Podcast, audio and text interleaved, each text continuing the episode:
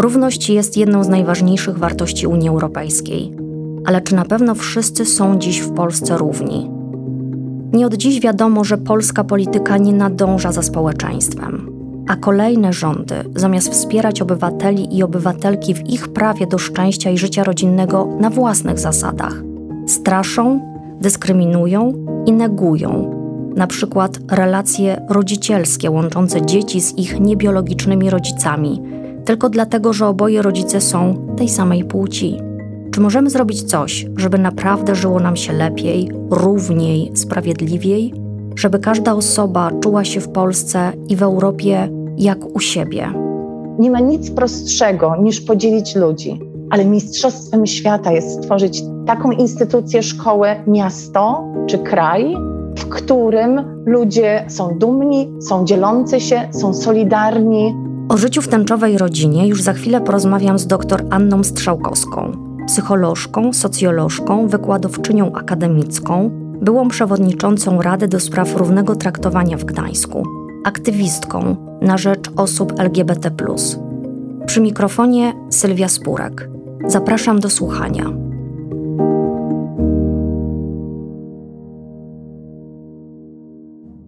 Choć żyją w związkach przez wiele lat, to dla państwa wciąż pozostają obcymi sobie ludźmi, niewidzialnymi dla systemu.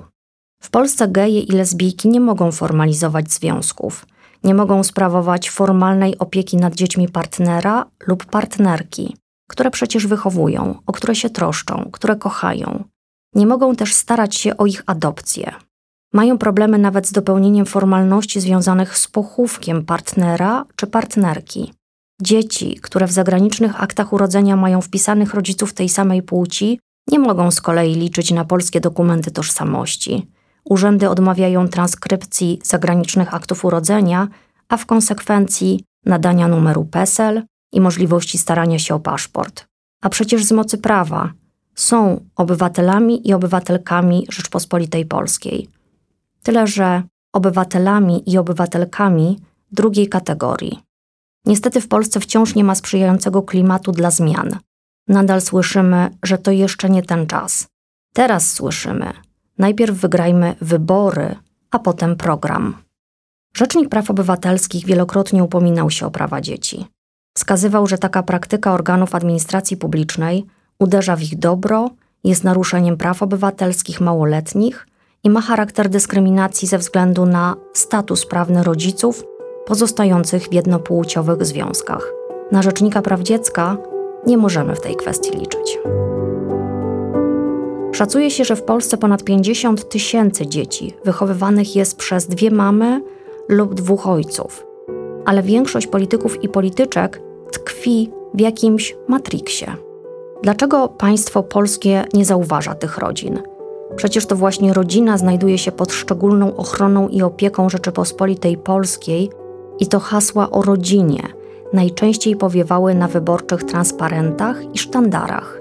Kiedy byłam zastępczynią Rzecznika Praw Obywatelskich, nie zgadzałam się z profesorem Adamem Bodnarem, który uważał, że konstytucja nie dopuszcza równości małżeńskiej. Wybitna konstytucjonalistka i pierwsza rzeczniczka praw obywatelskich, profesor Ewa Łętowska, od lat przekonuje, że wcale nie trzeba zmieniać konstytucji, żeby wprowadzić małżeństwa jednopłciowe. Bo artykuł 18 ma chronić rodzinę, a nie z niej wykluczać. Podczas Kongresu Kobiet mówiła: Artykuł 18 to jest papierowy tygrys, którego się wyciąga w dyskursie prawniczym i politycznym po to, żeby mnożyć przeszkody. Oto konstytucja nam zabrania. Konstytucja nam nie zabrania. Zabrania nam wola polityczna. I nie chodzi o prawo do zakładania spółki i regulowania kwestii związków partnerskich umową notarialną. Nie powinno się tego tak załatwiać. A teraz jeszcze raz oddaję głos Annie Strzałkowskiej.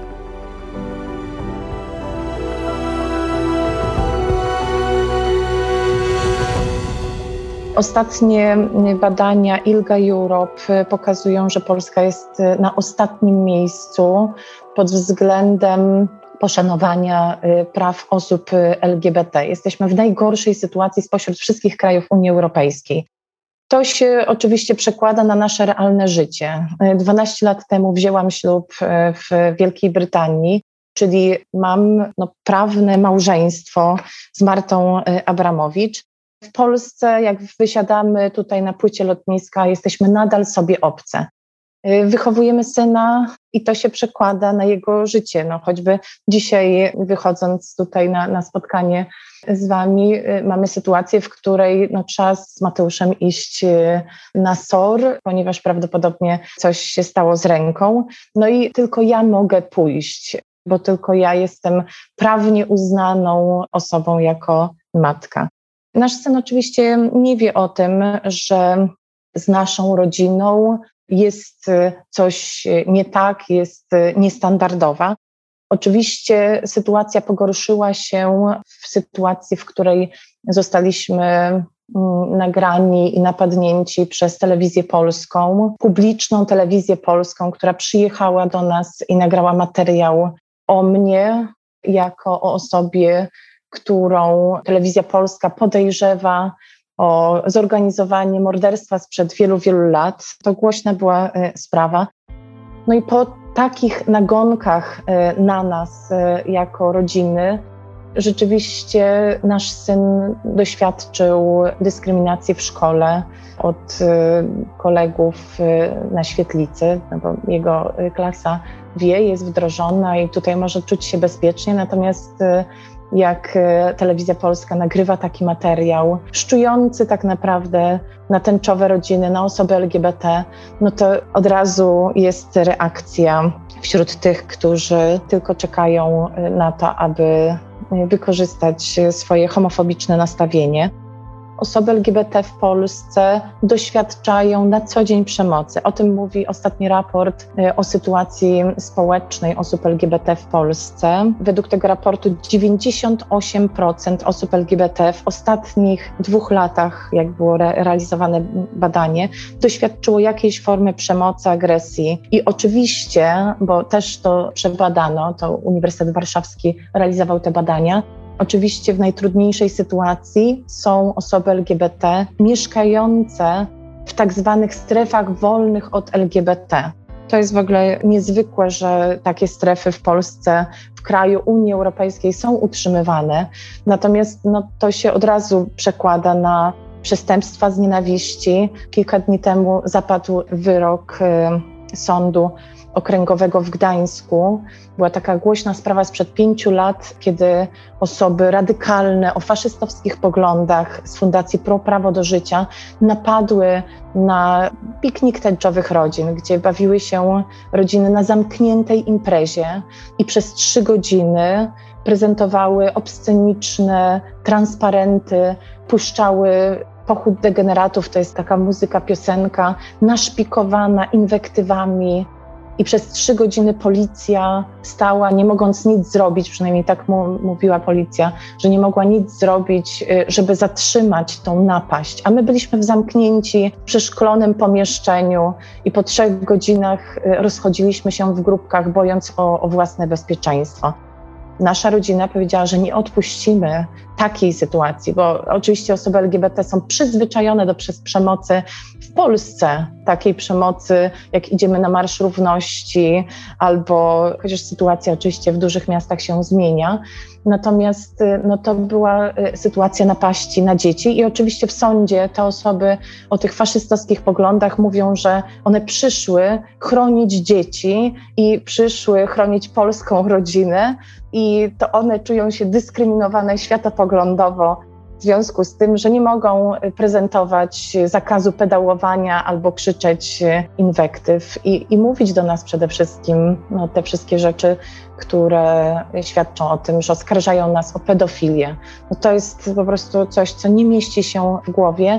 A powiem tak, no, badania, te ostatnie badania nad sytuacją społeczną osób LGBT dramatycznie pokazują i poziom osamotnienia osób LGBT, To jest ponad 70% osób czuje się osamotnionych. Ponad 50% naszej społeczności ma myśli samobójcze no, w związku z tym, że, że mieszka w Polsce, co oczywiście przekłada się na chęć ucieczki z Polski.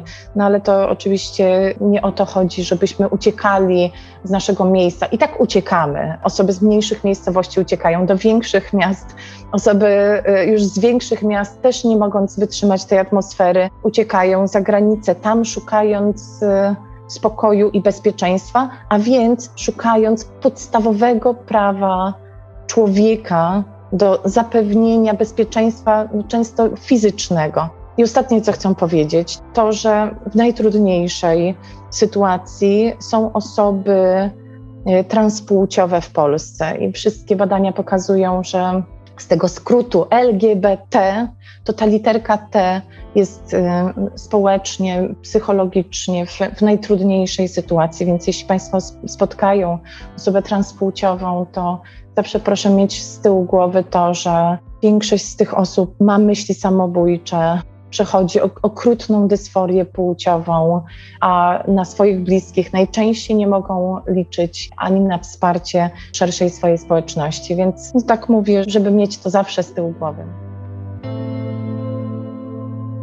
Od lat powtarzam, że nie ma praworządności bez równości bez cywilizowanego prawa upraszczającego procedurę uzgodnienia płci, tak by osoby transseksualne nie musiały pozywać swoich rodziców za błędne, wpisane oznaczenie płci w akcie urodzenia i tym samym nie musiały się narażać na konflikt z bliskimi i często traumatyczne, trwające wiele lat procesy sądowe. Nie ma praworządności bez skutecznej ochrony przed mową nienawiści i przestępstwami z nienawiści. Wciąż niewiele się zmieniło w tej kwestii, pomimo wielokrotnie zgłaszanych przez RPO rekomendacji systemowych zmian. Przestępstwa motywowane uprzedzeniami ze względu na orientację seksualną i tożsamość płciową powinny być ścigane z urzędu. Na ulicach polskich miast, ale też w internecie regularnie dochodzi do przemocy motywowanej homofobią, powstają strefy wolne od LGBT, a po miastach krążą ciężarówki nienawiści. 18 lutego 2021 roku Komisja Europejska stwierdziła, że przepisy polskiego prawa karnego nie transponują prawidłowo przepisów prawa unijnego dotyczących nawoływania do nienawiści podżegającego do przemocy na tle rasistowskim i ksenofobicznym oraz ograniczają zakres kryminalizacji podżegania do nienawiści. Co więcej, homofobiczne, dehumanizujące wypowiedzi na temat osób LGBT padają z ust najważniejszych polityków w państwie, dają tylko tej przemocy zielone światło. To nie są tylko słowa, przekonuje Anna Strzałkowska. Ja mogę oczywiście dalej mówić y, o konsekwencjach, bo konsekwencją na przykład jest to, że y, rosną y, nam wskaźniki tych rodzin, które nie mają pojęcia o transpłciowości czy o orientacji psychoseksualnej swojego dziecka, czyli matki, ojcowie nie wiedzą. Dlaczego nie wiedzą? No dlatego, że dzieci się nie autują. Dlaczego się nie autują? Dlatego, że atmosfera w Polsce jest taka, że dzieci albo chronią swoich e, rodziców, albo boją się tych rodziców. My mamy wzrost wszystkich wskaźników też kryzysu bezdomności u osób e, LGBT dzieciaki, młodzież boją się realnych konsekwencji swojego coming outu. Tego, że zostaną po prostu wyrzucone na bruk, albo że y, będą żyły od momentu coming outu w domu, gdzie będą cały czas doświadczały mikroagresji. Każdy, kto był w nieprzyjaznym środowisku, bardzo dobrze wie, czym jest bojkot towarzyski, ostracyzm społeczny i mikroagresje, które bolą czasami mocniej tak jak słowa bolą mocniej niż y, czasami rany zadane fizycznie. My o tym wiemy, mamy na to badania. Natomiast też chcę powiedzieć, że akurat ta przesłanka dyskryminacyjna LGBT jest wyjątkową. Te osoby, które y, są no, innej narodowości, są w mniejszości narodowej, mniejszości y, religijnej, to one wychodzą do świata, wychodzą do y, szkoły, pracy, który jest nieprzyjazny, gdzie muszą mierzyć się z dyskryminacją bardzo często. Natomiast wracają do domu, gdzie rodzice podzielają tą religię, gdzie rodzice podzielają no, tą kulturę, jeśli chodzi o, o narodowość. Natomiast osoby LGBT bardzo często wychodzą do szkoły, gdzie dostają wciry, gdzie nie mogą czuć się bezpiecznie i wracają do domu, który jest y, pełen nieprzychylności, braku akceptacji, zawodu rodziców e, i mikroagresji. To jest sytuacja podwójnie trudna, bo jeśli możesz złapać oddech w domu, badania pokazują, że najważniejsze dla e, dobrostanu psychicznego jest akceptacja matki. To mam oddech, mogę naładować baterię i zyskać siłę, do tego, żeby na zewnątrz radzić sobie z tą agresją i dyskryminacją. A jeśli wracam do domu i ci najważniejsi moi ludzie też mnie nie akceptują, no to ta sytuacja psychologicznie, społecznie jest po prostu najtrudniejsza. Nie ma także praworządności bez demokratycznej szkoły z edukacją antydyskryminacyjną. Dlaczego? Bo o równości warto uczyć od małego, a dodatkowo, jak wynika z badań, Grupą szczególnie narażoną na przemoc, wykluczenie i dyskryminację są właśnie dzieciaki. Konsekwencje psychiczne tych doświadczeń także dla nich są dużo bardziej dotkliwe niż dla dorosłych osób LGBT, a konsekwencje podsycanej przez polityków nienawiści są często dramatyczne. Jak zatem budować akceptujące środowisko szkolne? Czy różnorodna, solidarna szkoła bez przemocy jest możliwa? Czy w ogóle można nauczyć się szacunku i tolerancji? Dla mnie odpowiedź jest jedna i bardzo prosta. Jestem akademiczką, nauczycielką, e, edukatorką, więc e, absolutnie my, tak jak e, uczymy się uprzedzeń, tak jak uczymy się dyskryminacji, tak możemy zaprzestać uczenia tych uprzedzeń i dyskryminujących zachowań. Możemy przestać uczyć agresji i to jest najważniejsze. Natomiast jak to zrobić? No ja powiem y, metaforą. W Gdańsku mamy misję i wizję Gdańska. W Gdańsku różnorodność ludzi jest ceniona. Różnice wieku, płci, orientacji psychoseksualnej, tożsamości, stanu zdrowia wzbogacają miasto i są jego najcenniejszym zasobem. To jest wizja różnorodnego y, Gdańska. W Gdańsku mamy też taką wizję Gdańska jako miasta skupiającego i przyciągającego to, co najcenniejsze ludzi. Ludzi otwartych, kreatywnych, dzielących się dobrem i jeszcze dumnych ze swojego dziedzictwa bycia gdańszczaninem, gdańszczanką. To są słowa też prezydenta i wizja wypracowana z prezydentem Adamowiczem kilka miesięcy przed jego tragiczną śmiercią. I powiem tak, że mistrzostwem świata jest stwarzać takie miejsce, miejsce w samorządzie, w gminie, każdej instytucji w pracy i miejsce w szkole, gdzie osoby są otwarte, kreatywne, dzielące się wiedzą i jeszcze dumne z tego, że chodzą do tej szkoły, że są gdańszczaninem, gdańszczanką. Bardzo prosto jest dzielić ludzi. Ja wiem jako nauczycielka, że wystarczy, że podzielę moją grupę ćwiczeniową studentów i studentek na dwie części. Powiem, tu jest A, a tutaj jest B i już uruchamiam proces rywalizacji i różne inne procesy takich porównań w dół, a dalej stereotypów, uprzedzeń i tak dalej. Więc nie ma nic prostszego niż podzielić ludzi, ale mistrzostwem świata jest stworzyć taką instytucję, szkołę, miasto czy kraj, w którym ludzie są dumni, są dzielący się, są solidarni. I teraz, jak stworzyć takie warunki? Bardzo praktycznie mówimy o tym w miastach praw człowieka. Inspiracje, dobre praktyki, narzędzia. Bardzo zachęcam. Można wejść na stronę www.miastaprawczłowieka.org.pl i PDF jest do pobrania gotowy. Natomiast y, jeśli myślę o szkole, no to ryba psuje się od głowy, ale ryba też naprawia się od głowy.